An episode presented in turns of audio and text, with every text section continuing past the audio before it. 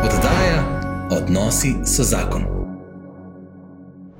Dobro dan in lepo dobrodošli v tej poletni izdaji oddaje Odnosi so zakon, v kateri danes Benjamin Sitter gostim eh, Miho Ruprčiča. Miha, ponovno pozdravljen pri nas v Krškem, živa. Lep pozdrav, hvala za povabilo. Ti si en tak veš naš stalen gost, da imamo res radi, smo povezani in uh, vedno prinašaš s seboj eno zakladnico modrosti. Tako da evo, um, ponovno vabilo. Um, predno začneva, da je začeti z tem, da posvetiva ta čas Bogu, mm. da ga povabiva v najn pogovor in tudi v poslušanje, ne, v dejanje gledanja, poslušanja, ki ga bojo vsi, ki naj jo spremljajo na najrazličnejših platformah, uh, pač sami namenili ta čas. Mm da bo produktiven. V imenu Očeta in Sina in Svetega Duha. Dobri Bog, hvala ti za ta čas počitka, za to poletje. Hvala za to, da lahko tudi v tem času gradimo odnose, za katere je vredno živeti, kot pravimo pri družini in življenju. Prosim te, da bi bil ta pogovor usmerjen v pravo smer, da bi znala z Mihom dobro prevrednotiti ta čas počitka in v bistvu ugotoviti, v čem je vrednost za nas in v čem je vrednost nas samih. Po Kristusu, našem Gospodu, Amen. slava Očetu in Sinu in Svetemu Duhu. Kako je bilo v začetku, tako zdaj in vse le in vekom. Amen. Očeta in Sina in Svetega Duha. Amen. Amen. Amen. Tako. Miha Ruprčič, dan danes ti deluješ kot zakonski in družinski terapeut, ampak ni bilo vedno tako.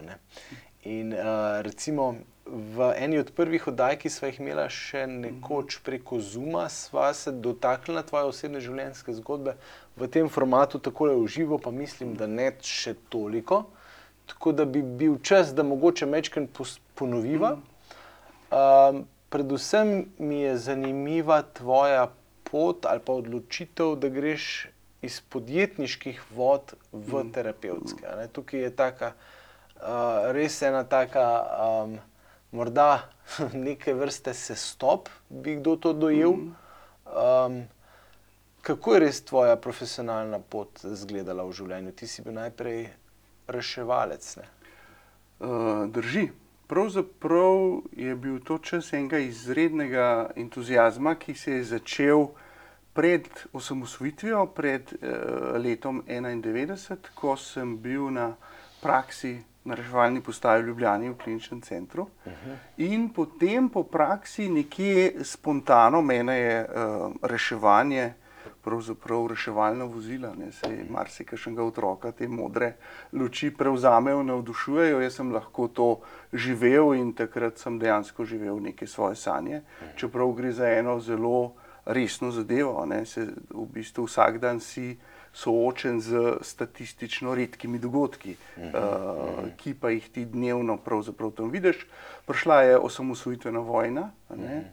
uh, na katero me spomne uh, status vojnega veterana, ker smo bili vključeni v te uh, vojne operacije. Sam osebno sem bil pri tisti bitki, ki je bila znana in je opisana v tej osamosvojitveni literaturi pri Trzinu, uh -huh. kjer je šlo, šlo za en večji spopad. Pravzaprav mislim, da je šlo, to je bilo 27. dan.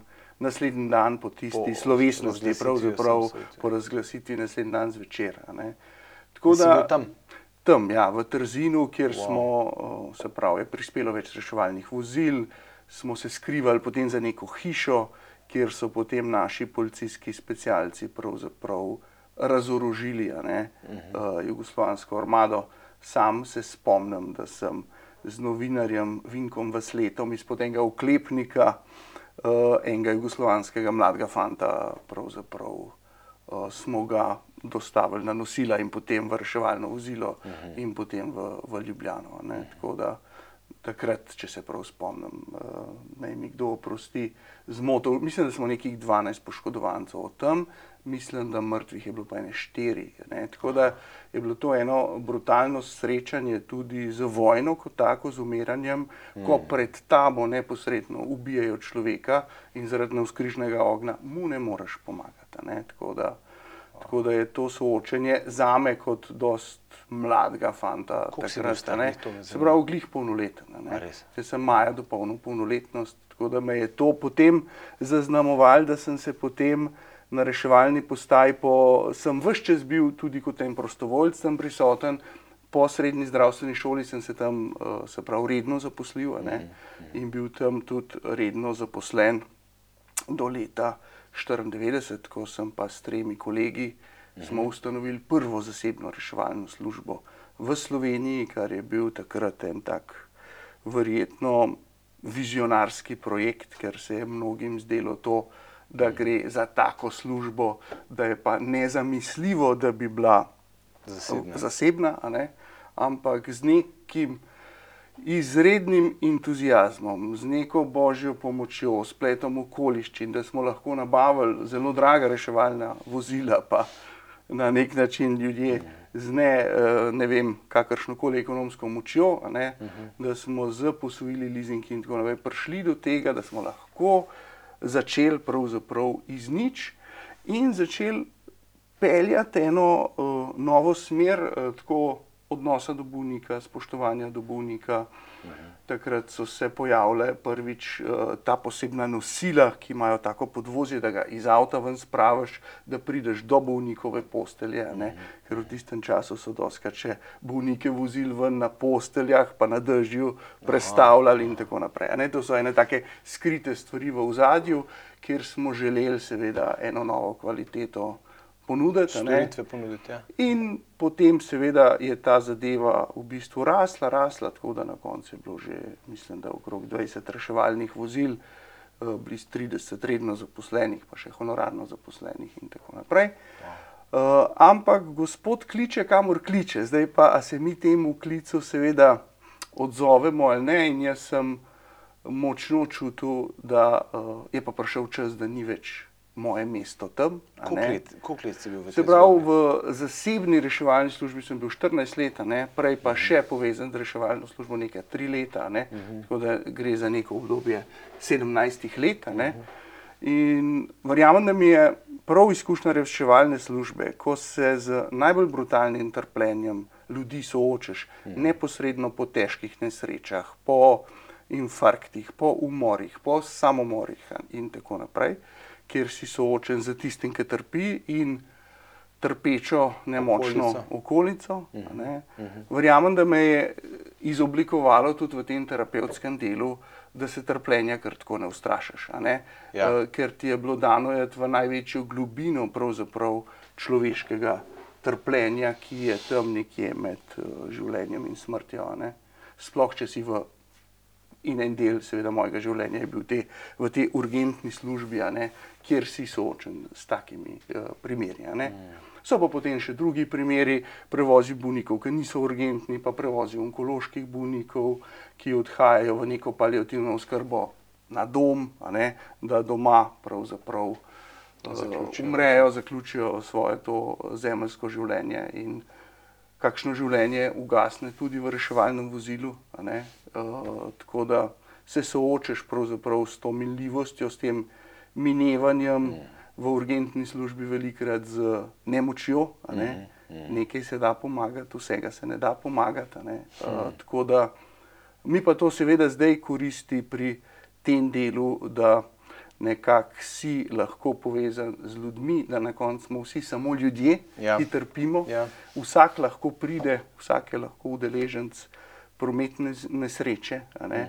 Lahko si svojc nekoga, ki je naredil samomor, lahko je to uh, tvoj bližnji. ne. Tako da uh, je ta izkušnja dragocena. No. Ja.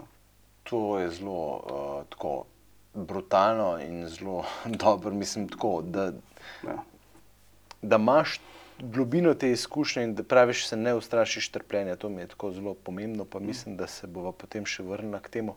Mene bi pa prav tako ta geneza, ta razvoj te tvoje želje iti v to drugačno vrsto pomoči.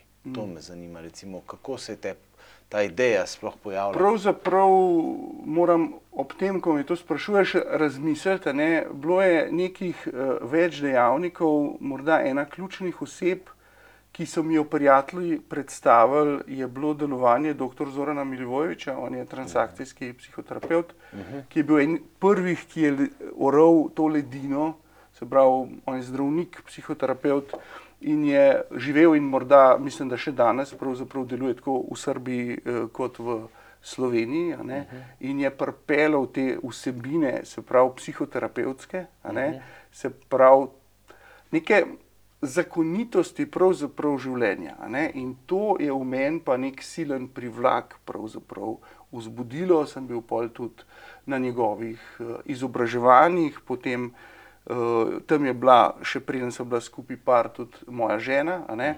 In potem sva se dva taka našla, ki naj jo to zanimalo, in to je potem seveda botrovalo temu nadaljevanju študiju pri profesorju Gostečniku in pol seveda tudi naprej eh, izobraževanjem eh, v tujini. a ne. Se pravi, en privlak biti človekom, pa en privlak, ki sem ga pa že prej, morda pri delu z ljudmi, pa tudi sodelavci, opazil, je ta moč besede. Ne? V začetku je bila beseda in beseda je bila pri Bogu in beseda je bila Bog. Eh, Da vidiš, kako veliko moč ima beseda, ko žališ, ko ponižuješ, ali pa po drugi strani, ko si sočuten, ko si razumevajoč. a ne. Eh, Tako da sem takrat nekje že prepoznaval tudi v reševalni službi en ta talent pogovora z ljudmi, pri katerem sem opazil, da so ljudje lahko v pogovoru z mano doživeli neko bodi si korist, olajšanje, nek smisel. In sem že takrat razmišljal, to bi bilo pa zanimivo v življenju, da bi pa jaz tole delal, da bi se pogovarjal, pa nisem še sploh razmišljal o, bi psihoterapevtski, izgledalo. kako bi to izgledalo pravzaprav. a ne, Ampak sam nekako to je bilo v meni in potem uh, so stvari na nek način prišle nasprot, jaz sem mogel bolj tle reči, nek zgodi se in tako naprej. In potem seveda je prišlo tudi do, do neke te tenzije v meni, da ne morem več in eno in drugo, a ne, da gre za nezdružljive stvari, ker verjamem, da terapevtsko delo zahteva, ali pa vsaj moj vidik je, tega je, da zahteva, da to živiš, zahteva celega človeka, a ne, da drugače je to nekaj za zraven, a ne, kar morda Kako si že rekel, koliko procentov je, enkrat se spomnim, si govoril, Ja. koliko procentov je znanje pri terapevtskem delu? Jaz se, spomnim, jaz se spomnim izjave, eh, ki ga v terapevtskem svetu poznajo, pa tudi ljudje ga poznajo, dr. Peter Levin, on je en največjih avtoritet za travme, um, so tudi knjige v slovenščino prevedene in on nekje ocenjuje, da v, pri terapevtu je njegovo znanje, kurzi, vse, kar lahko pridobi, certificira, ne, je nekje do maksimalno 15 odstotkov. Se pravi, tok, to seveda more biti, to je pač neka pač strokovna higiena, uh -huh. uh, ampak nekje 75 odstotkov pa temelji na odnosu, ki ga jaz navežem uh -huh. s človekom. a ne. V tem odnosu se pa zrcali pravzaprav na nek način vse. ne. In en občutek, ki ga jaz imam, je predvsem to, da terapije ne moreš delati, by, by the book, kot rečemo po knjigah, uh -huh. zato ker to človek prepozna, da nisi z njim, da nisi pristen. Uh -huh. Knjige so lahko neka usmeritev, neka baterija, neka svetilka uh -huh. pri nekih poimenovanjih, ne, eh, da so nekako skladna tudi z pošteno znanostjo. Uh -huh. Vse ostalo pa ljudje iščejo, predvsem jaz imenujem močne možgane. Eh, In to meni simbol- simbolizira to, da iščejo nekoga, ki se ne bo ustrašil njihovega trpljenja. a ne. Se Ki je pravi, tu- tudi sam doživel in, in šel skozi marsikaj. Jaz verjamem, da je to pravzaprav en življenjski trening, še po, za vsakega človeka, a ne, za terapeuta pa še posebej, ne, da je pretrpel nek korpus uh, vsebin lastnih, ne, ustrajal, pravzaprav in šel ven. Kot od faraona, ne, da je odšel v to puščavo, neki cajt živeč v tisto mano ne, in ustrajal in ne obrnil se in šel nazaj k faraonu, ampak šel smer obljubljene dežele. Ga egiptovski lonci mesa niso premamili. Točno. Ja, ja. Ja. In to je včasih zelo težko. ne, Ja, ker, ker smo mi eh, nagnjeni k tem instantnim, hitrim rešitvam. Ne. Miha, je težek. Ja.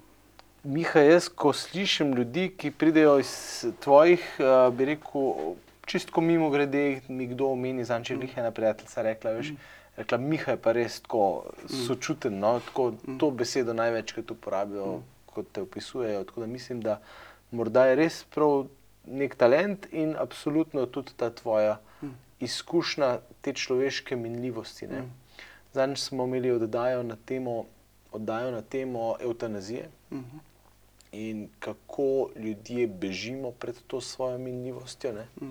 Ampak vendarle minljivost je nekaj, kar nam omogoči, da se mi dojemamo realno, ne. In če to poskušamo negirati, potem, a veš, potem smo ali preveč vzvišeni ali pa preveč prestrašeni pred življenjem in pač mislimo, da bi morali ne vem kaj, ne. tako se mi zdi, no, da nas ta prijateljica konkretna, ki je bila pri tebi na terapiji, je rekla: "Pa to bi morali iti vsi." Pač moram reči, no, da se mi zdi, da je to nekaj, jaz, evo, sam sem dal zdajle pred kratkim skozi eno tak set terapije in mi je pač odstrlo marsikaj.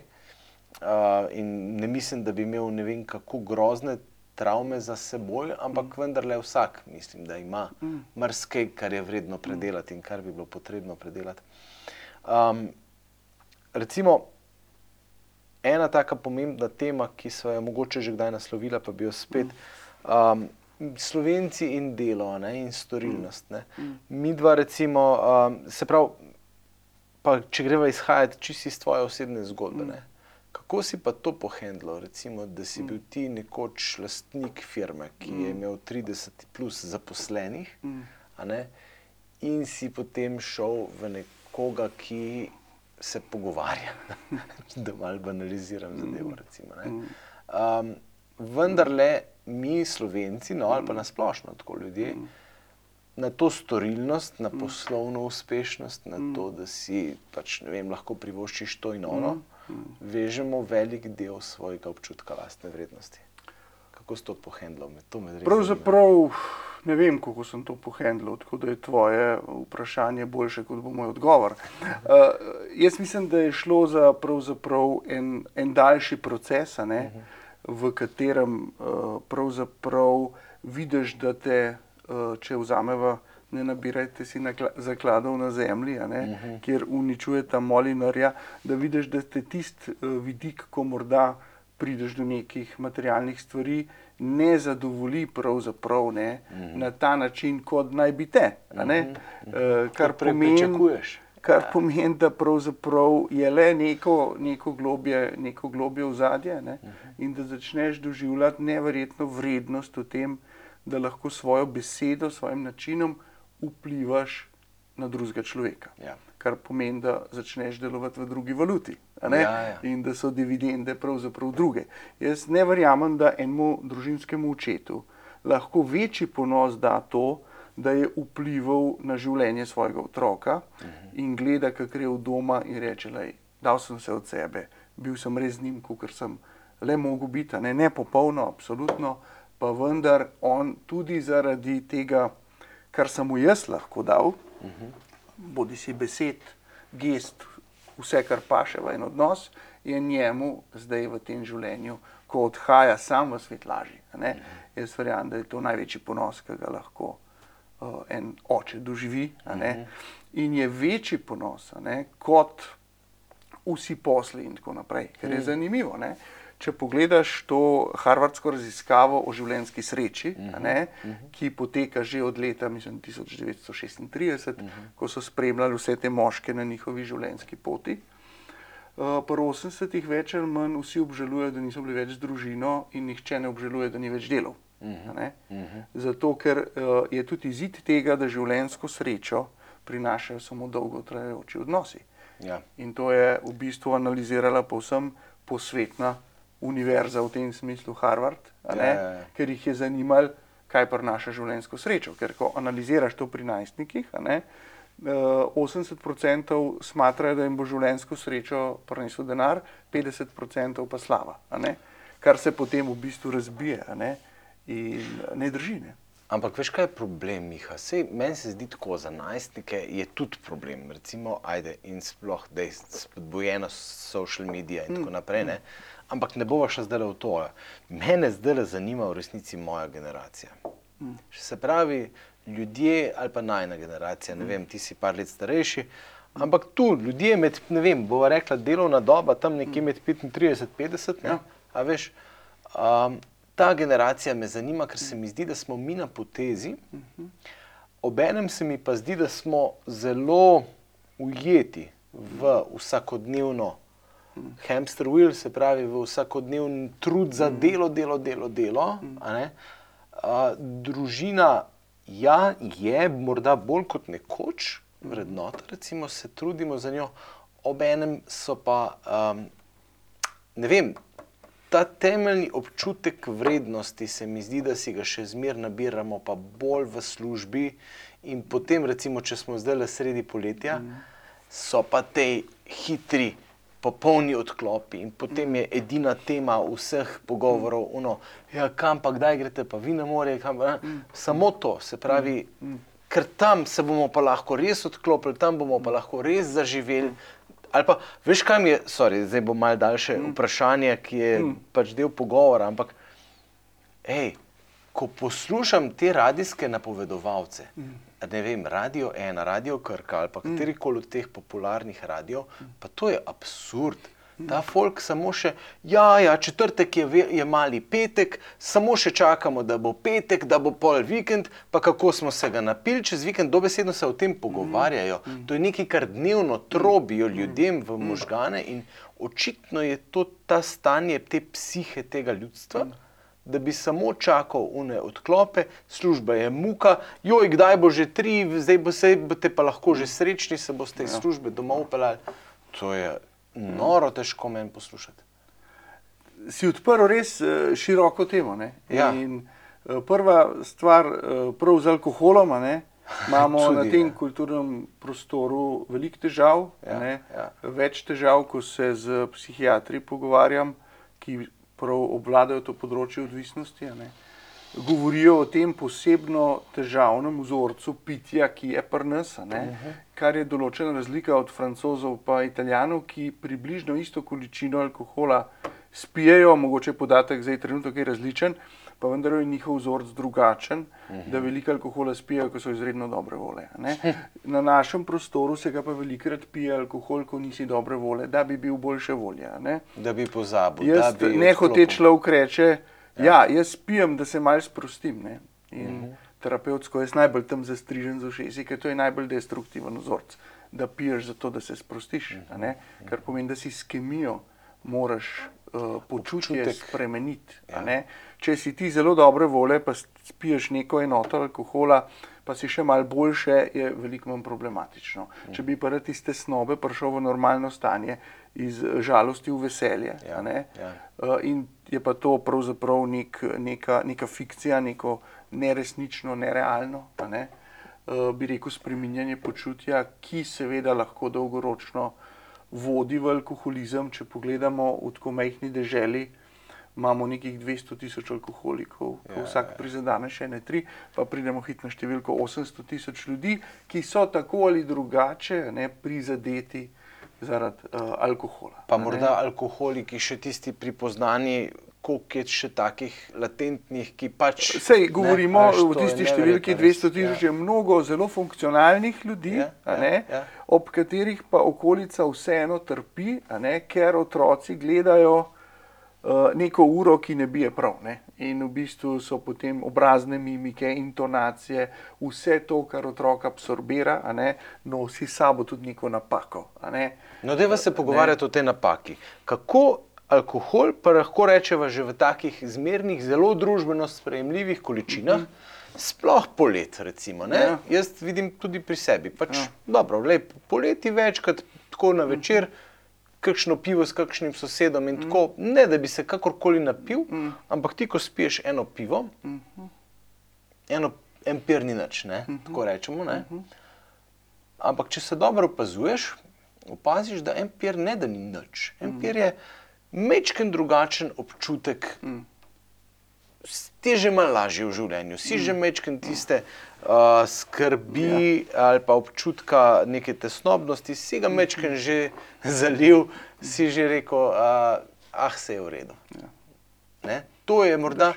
In to je že način, recimo, pa ajde po enem piru tako, recimo, če sta pa dva, mm -hmm. ali pa tako, si pa že precej drugačen. Mm -hmm.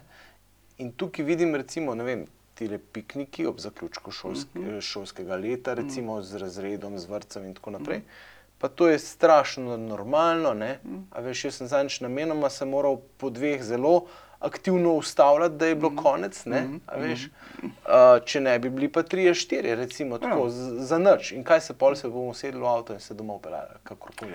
No, to je, že To je prvi, še tretja stvar. Že ne. prvi del problema je, da se bomo usedli v avto, ne, Ja. ja. ker verjetno smo že blizu tiste meje, kjer ni varno. Ampak mi velikrat nimamo te meje, da v takem stanju ni dobro tudi v odnose vstopati z drugimi, posebej z otroci. Uh, morda bi bil kdo bolj poklican, da bi točno povedal, kaj se v možganih zgodi. Kar pa sam verjamem, je, da če si ti na nek način že popil določeno količino alkohola, sploh tisto me skrbi, ki gre nad eno pivo, a ne? Ki, ki gre nad eno enoto, kot rečemo, alkohola. Nekaj drugega je en kozarc vina pri hrani, uh, popit, a ne? kot pa so te zabave, ne? ko se pa to malo multiplicira. A ti takrat greš kot zgled varnosti otroku. a ne? A ti lahko pravzaprav ti otroku daješ zgled. Hkrati naj bi bil ti tisti, ki bi mu zagotavljal te osnovne komponente varne navezanosti, da je otrok se čuti varnega, da otrok pravzaprav doživlja, da ga vidiš tako, kot on je in da ga znaš to lažiti. Jaz verjamem, da vse te funkcije do neke mere niso več take, kot bi mogle biti.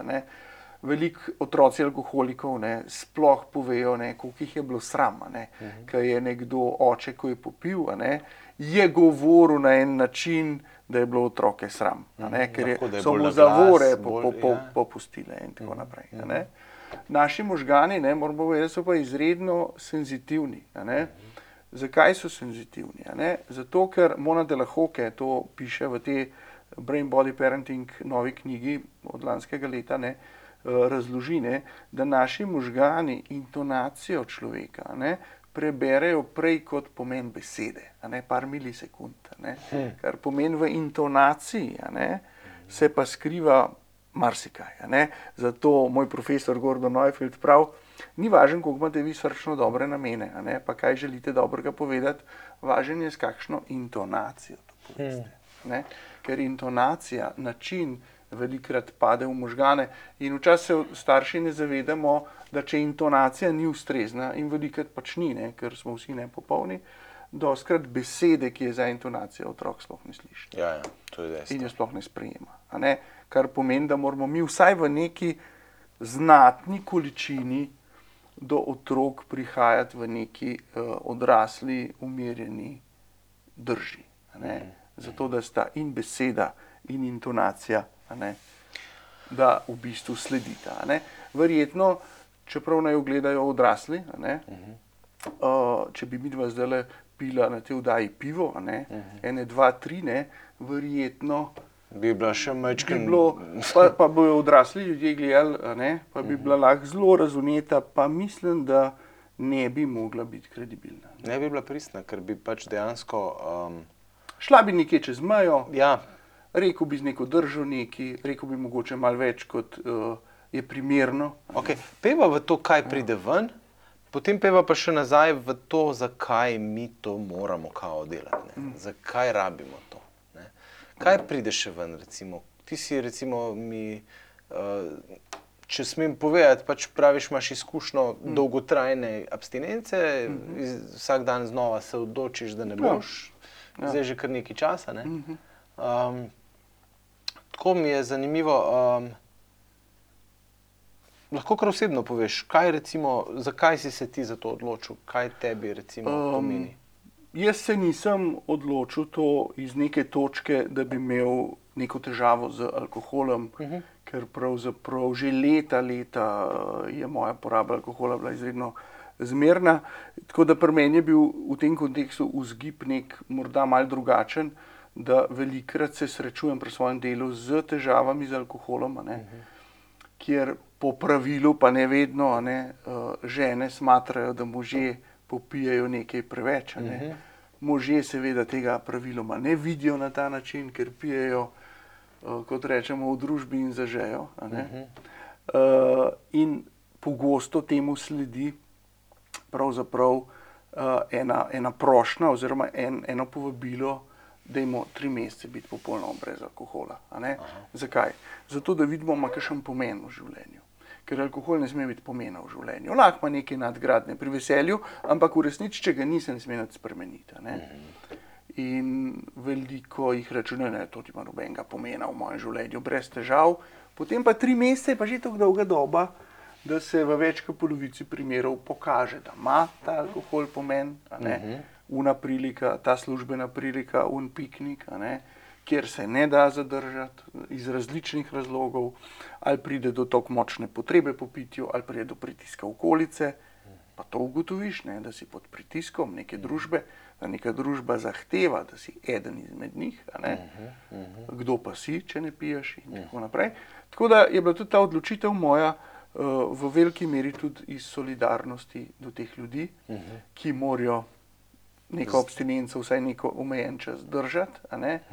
In težko, nekje na eni točki sem doživel, težko jaz zahtevam samo od ljudi, sam se pa tega ne dotaknem. Ne? Tako da je to tudi del tega, da sem solidaren z družinami, kjer je alkohol problem in je potrebno se boriti, da se ta problem preseže. Wow, super.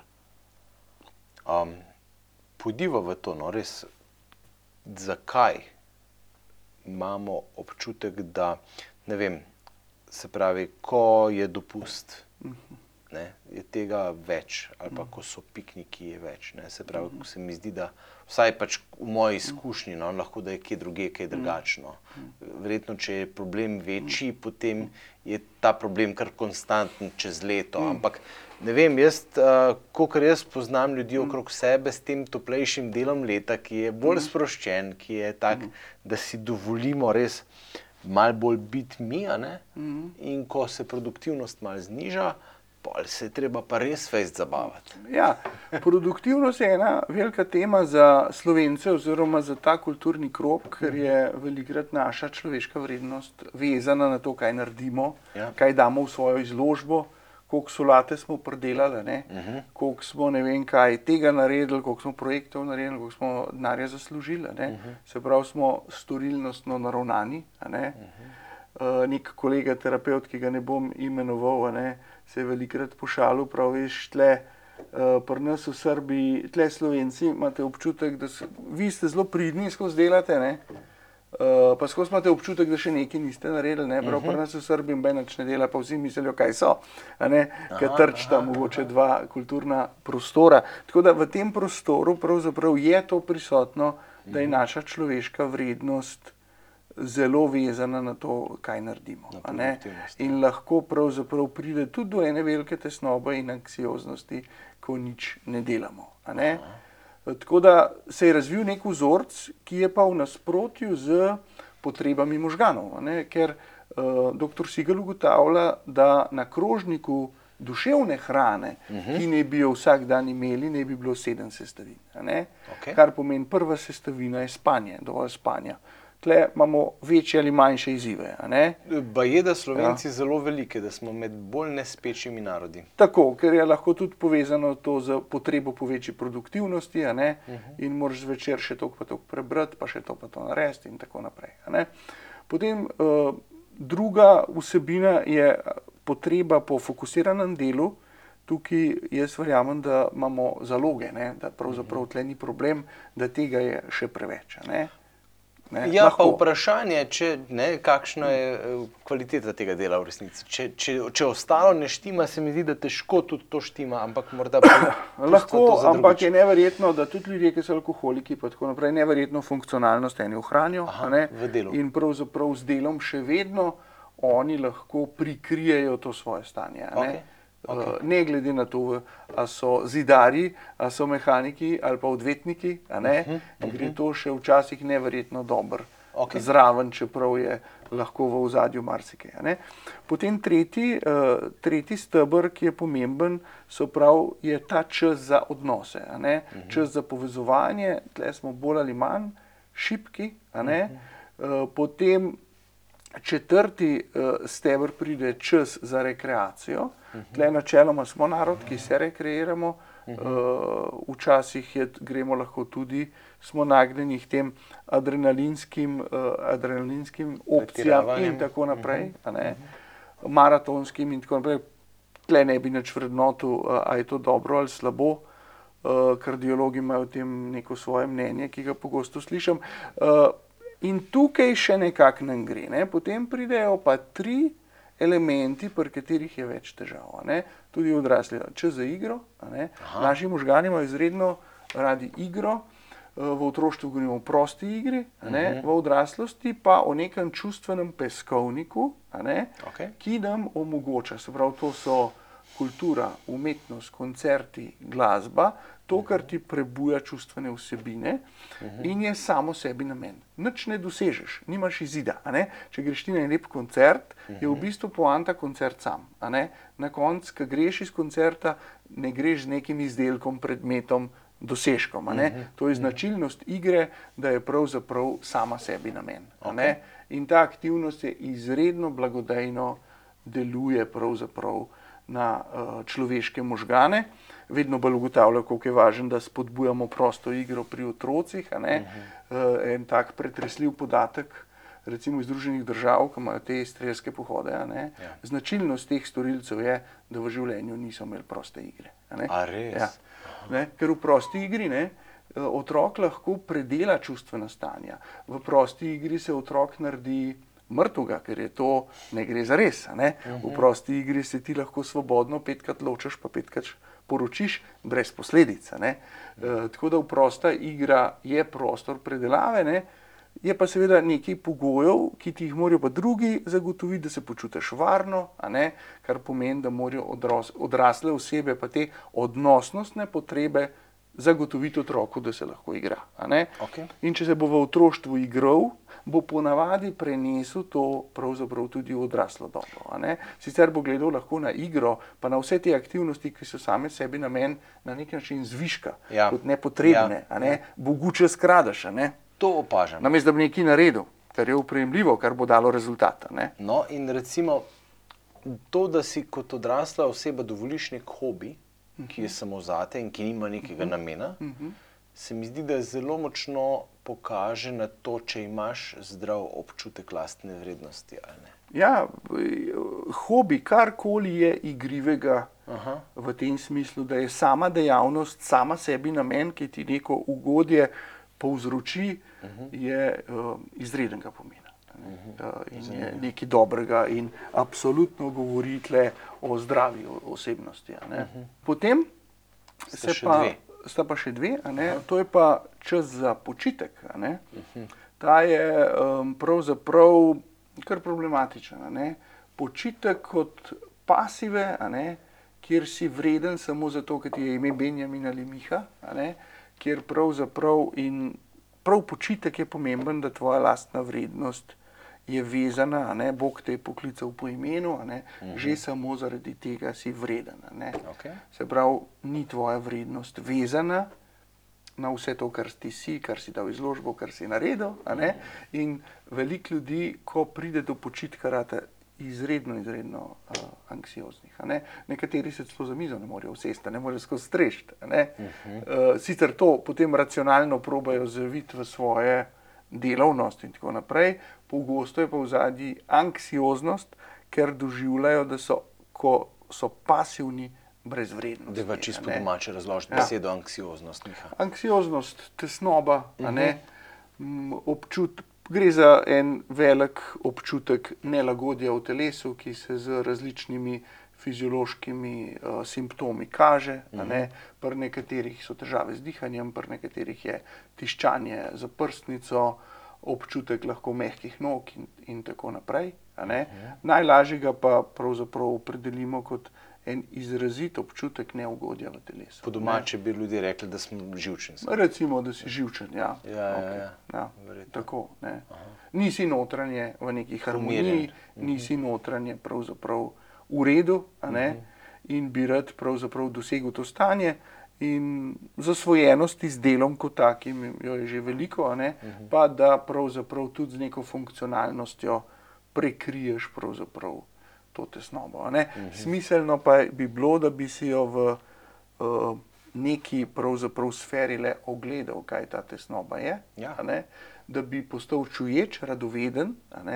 Radovednost je ena taka sila, ne, ki te žene, da malo raziščeš. In to ne upelje v to, za, uh, bi rekel, v zadnjo pravzaprav uh, sfero, je prav to vprašanje uh, tega notranjega uvida, uh -huh. kot ta sedmi stebr, uh -huh. kjer za verne ljudi je to molitev, ampak je fino, da je nadgrajena tudi z neko adoracijo, kontemplacijo, meditacijo. Uh -huh značilnost katere meditacije, vseh teh meditativnih praks je notranja umiritev. Uh -huh. Se pravi, da prisluhneš samemu sebi, seveda, verni ljudje smo tle usmerjeni na Boga uh -huh. in želimo en, en globi stik z Bogom uh -huh. vzpostaviti, za katerega crkveni učetje pogosto pravijo. Da naj bi Bog v miru prihajal, ja. v tišini, uh, papeški pridikar Kantalamesa ne, pravi, da verjame, da Bog nekje v človeški intuiciji prebiva ne, prek svetega duha. Ne. Tako da je treba vse te glasne motilce, ki smo v zapadni kulturi, seveda, in dnevno izpostavljeni, nekje umakniti. In tudi iz svojega življenja vem, da kadar zmorem biti discipliniran, da prakticiram pravzaprav neko to duhovno prakso, ali gre za molitev, ali gre za čuječnost. Um, in verjameš, da je to nek božji dar, um, zelo, zelo nekako. Dan, dan je drugačen. Ne? Ne? Dan je drugačen, mm. ali pa večer je drugačen, mm. ali pa noč je drugačna. Mm. Mm. Da pravzaprav uh, tam se, jaz verjamem, lahko z Bogom povežeš, mm. da dobiš ta občutek, da pa le nisi sam. Ja. In da tvoje življenje je fundamentalno ok. Ne? Tudi če pridejo težke stvari, pa trpljenje. Pa tako dalje. Tukaj se mi zdi, da je pač prav vzrok vsega tega. Uh, bežanja od pristnih občutkov, od pristnega zaznavanja samega sebe, tudi od tega raziskovanja tesnobe. Ne? Meni se zdi, da danes si res uh, ne pravijo, da če bi vsak človek na dan imel vsaj par minut tišine, ne? da bi že dejansko, če to zmoriš, pol boš lažje funkcioniral. Um, tako no, brez glavo, bezlanje in, tež, in bežanje od tesnobnih občutkov. No? To je značilnost tega časa, se mi zdi. No? Um, recimo, vem, na misli mi prihaja en dober prijatelj, ki pravi, ja, jaz, če, če ne delam na dopustu, zdržim toliko pa toliko časa, pa sem pa živčen in pol ne morem biti mm. več primerne. Um, pa zanimivo, tisti prijatelj ne pije. Ne? Se pravi, večina drugih pa preprosto pije. Ampak lahko drugo. Ampak ima lahko kakšen drug način pobega. Ne? Ja, tudi samo delo je, delo, je ja. lahko v bistvu uh, kar močna uh, odvisnost, ja. uh, s katero pravzaprav. Um, bi se pa vrnil mogoče na izvorno težavo, ki je zelo dobro opisana v knjigi Znanost o vzgoji. Uh mhm. -huh. Kaj je geneza alkoholizma? Uh mhm. -huh. Geneza alkoholizma je težava z to je verjetno ni cela resnica, ampak del resnice z gama amino masleno kislino, z substanco, ki jo mi imamo v našem telesu. Okay. In ta substanca naj bi se uravnavala v odnosih. Se pravi, odnosi medčloveški vplivajo na nivo te substance. Okay. Potreba po alkoholu pa pride zato, ker je pa alkohol substitut, ki uravnava nivo te kisline. Wow. Kar pomeni, ne, da če odnosi ne špilajo, ja. ne, se potreba po alkoholu lahko poveča. Aha, aha. Ja, in vse je pravzaprav želja eh, ljudi, ki uživajo droge ali pa pijejo alkohol, karkoli je, da bi se jaz lahko pomiril. Uh mhm. -huh. In tista pomiritev, ki nam jo Bog daje in jo Bog daje otrokom, kako jo daje otrokom, preko nas, božjih veleposlanikov, ne, uh, očetov in mama, ne, ja. ki naj bi te otroke znali pomiriti. Ne. Uh mhm. -huh. Mi jih pa velikrat v bistvu na mestu pomiritve kregamo ne, ja. in ne znamo čist dobro tukaj pravzaprav se umestiti. Ja, ker sami nismo umeščeni in umirjeni. In tle se pravi, moraš narediti neko refleksijo lastnega življenja. Ja, ne. ja. Če ne narediš lastnega življenja, si skozi v drži, kaj smo šele vse mi morali. Ja. Boste pa vi tudi. In stavki, kaj smo mi vse morali, vedno govorijo, da človek ni naredil refleksije. Ni naredil, ne vem, ali je to domača naloga ali je to priložnost, ne, da bi uvrednotil pravzaprav, kaj je v življenju dobil, česa ni dobil in da bi bil pripravljen v tej drži, resnica te bo osvobodila, ne, pogledati, kaj ni dobil. Zato, ker tisto, kar ni dobil, rabi v sedanjosti njegov otrok in njegov partner. Ja, ne. ja. In sam, konc koncev. ne. Ja, ja. In tam je verjetno odrešenje prihaja. Ampak je zavestna odločitev. Ne. Ali je pot za to soočenje s tem, česar nisem dobil, bolj kot ne v terapiji, ali kako? Mislim, ker dejansko, ok, v družini in življenju, kjer imamo 270 zakonskih skupin, um, vidim, da pač v naravni zakonske skupine, kjer smo pari med sabo in si vzamemo čas. Drug za drugega, enkrat na mesec, oziroma trikrat na mesec, ker imaš vmes še čas za zmenek in imaš čas za domačo nalogo, se pravi, je to že trikrat, 300% več kot nič. ne. To je že izjemno dobra praksa, kjer se te stvari že med seboj pogovarjamo, uravnavamo in tako Ja, naprej. ja. Pride pa morda do neke ravni, ne? in se mi zdi, da pač morda pa vendarle je čas za. za um, Vsaj jaz osebno sem pač imel to izkušnjo zdaj v življenju, da, da si pa nekaj stvari še na novo dovoliš videti, mm. kar je včasih zelo težko, mm. ne, da si sploh dovoliš videti. Obenem, da si mogoče kakšne vzor, vzorce, ki si, si jih nabral tekom življenja, uh, pač ovrednotiš, jih pogledaš skozi neko, ne vem, skozi neko drugačno prizmo in um, si rečeš, le, se pa ni treba, da je vedno vse tako, točno tako. ne. Tako, no, fajn. Um, jaz, jaz bi to izkušnjo te terapije ali pa tega, da si pač dovoliš pomagati na tem področju, priporočil naprej. No. Tako se mi zdi, da je, da je vredna. Tle imamo velikega zaveznika v papežu Frančišku, ki je tudi delil svojo izkušnjo, uh -huh. z njegovo terapevtsko izkušnjo, uh -huh. ki jo je imel v, mislim, da je bilo v Argentini z neko sicer židovsko terapevtko, uh -huh. in sam povedal, da mu je uh, koristila. a ne. Terapija je ena od teh poti. ne. Jaz, predvsem v splošnem, verjamem, da odnosi zdravijo. Ja. In da marsikaj lahko odnosi sami, se pravi, da si ti v občestvu, da deliš neke vsebine, da si tudi navzven usmerjen, a ne, uh, včasih zadostuje. ne. Uh, Prtlaga, ki jo mi nosimo s sabo, je pa zelo različna. a ne. In včasih je lahko terapevtska podpora tista, ki morda nek pospešek da, malo pohitri. a ne. Predvsem pa ne smemo terapije, uh, bi rekel, asociacija terapije so problemi. ne. Ja, Težave, ja, ne. tako je. To, V je resnici je vedno ta tako. asociacija uh, pri nas še prisotna v tujini, uh, zapadni kulturi se opušča. To bi rad da malo je- dedabuiziral. Da je to pravzaprav je terapija priložnost ne, v našem hitrem tempu življenja, a ne, za to, da ti v odnosu z drugo osebo, ki je od tebe do neke mere neutralna, ne, ni upeta, ti lahko nudi en boljši zunanji pogled. Ne. Zato tudi terapeuti moramo iti k drugi osebi na terapijo, ker jaz sam zase ne morem nuditi si Tako. tega zunanjega pogleda. Ne. Tako da smo tle čisto vsi na istem čovnu. In zunanji pogled ti pa koristi na mnogih sferah, da bi živel neko svoje avtentično življenje. V, v praksi kdo pride na terapijo samo zato, da ga spremljaš, da dokonča doktorat. a ne. A je, pa gre pravzaprav za en izredno pozitiven dogodek. a ne. Ja. Ja, se, se pravi, tudi jaz nisem imel kakšnih ekspli, eksplicitnih problemov, ampak dejansko sem videl, da rabim pospešek na nekaterih področjih in to, ko praviš, da ti nekdo zreflektira nazaj to, kar si, česar sam ne moreš videti. Ne. Točno. Ne, in to, In včasih je nerealno pričakovanje, da bo vse to, da boš predelal in obdelal ob partnerju. Ja. Uh, fino je, da imaš ti širši krok ljudi, a ne, da imaš tudi eh, prijatelje uh, in druge ljudi, na katere se pravzaprav uh, lahko obrneš, ker vidim, da včasih imajo pari kar veliko nekih konfliktnih situacij, ker gre za neka nerealna pričakovanja, kaj vse bo partner pravzaprav naslavljal. In na koncu ne more vsega. ne. In ti se lahko cel življenje kregaš in si zagrenjen, kako partner ne odgovarja na vse to.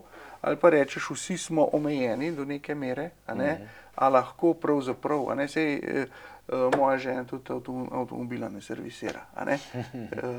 Eh, Kar pomeni, smo upeti v občestvo in lahko pravzaprav tudi iz občestva marsikaj dobimo. Ja. ne. Ja. Ja, ja, ja.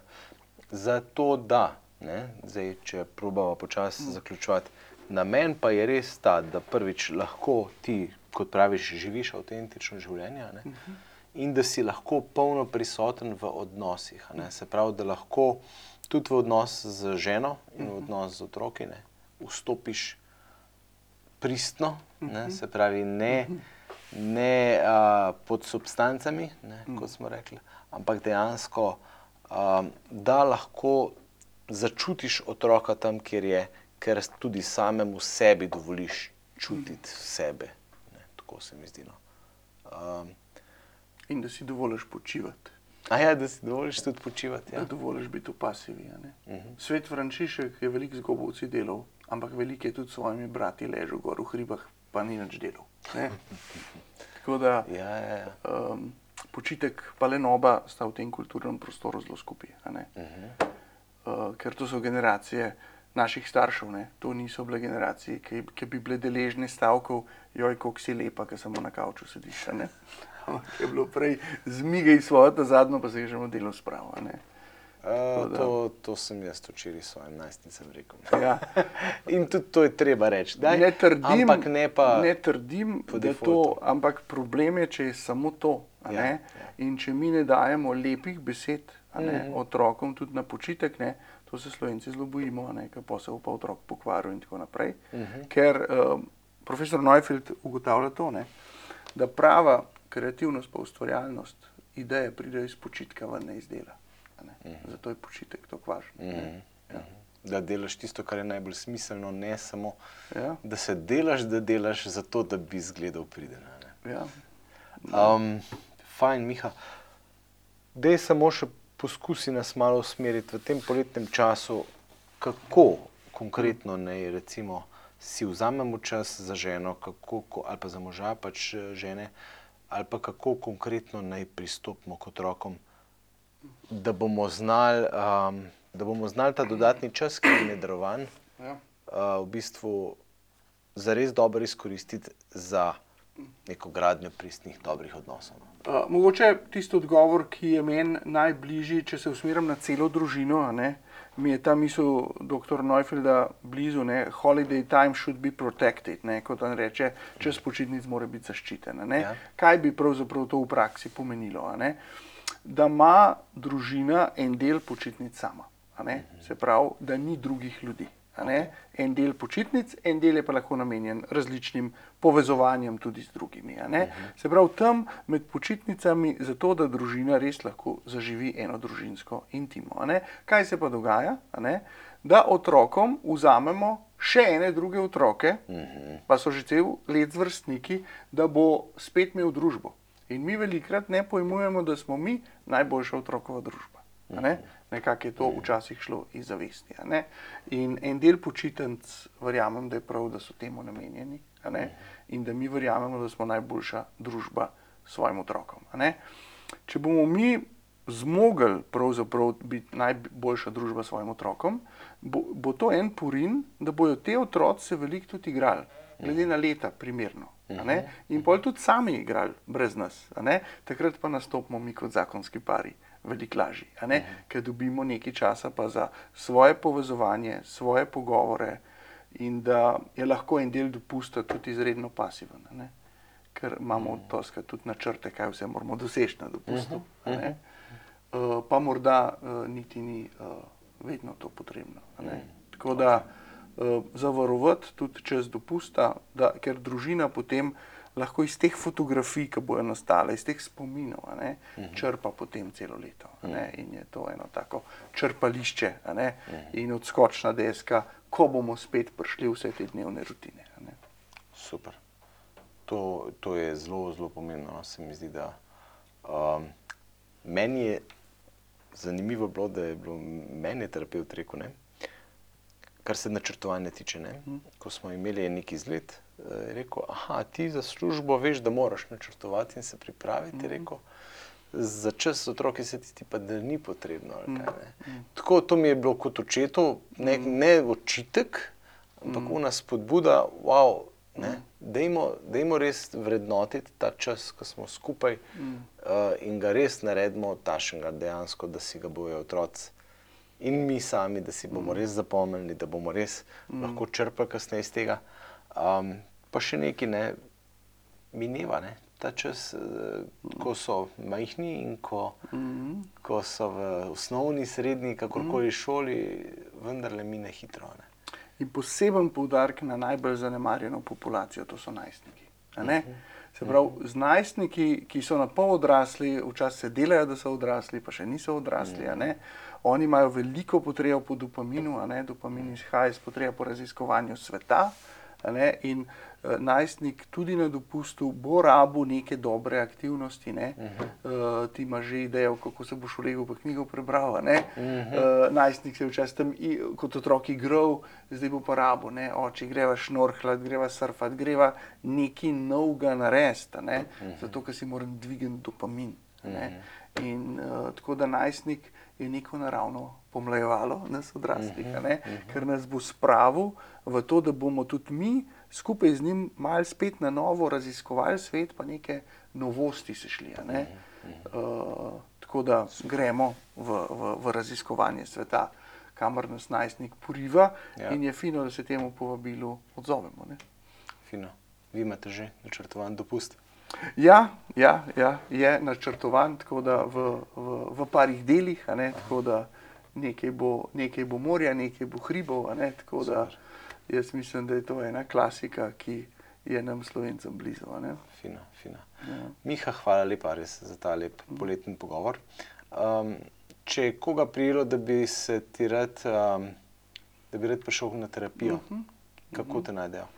Eh, najbolje, da mi napišejo elektronsko pošto na elektronski naslov institut afna varna minus navezanost pika esi okay. in se na ta način po elektronski pošti, da se ne lovimo, najlažje v bistvu srečamo uh -huh. in se povežemo. Okay. Dobro, hvala lepa, Miha. Vse dobro. Ja, vse dobro, tudi vam. Thank you.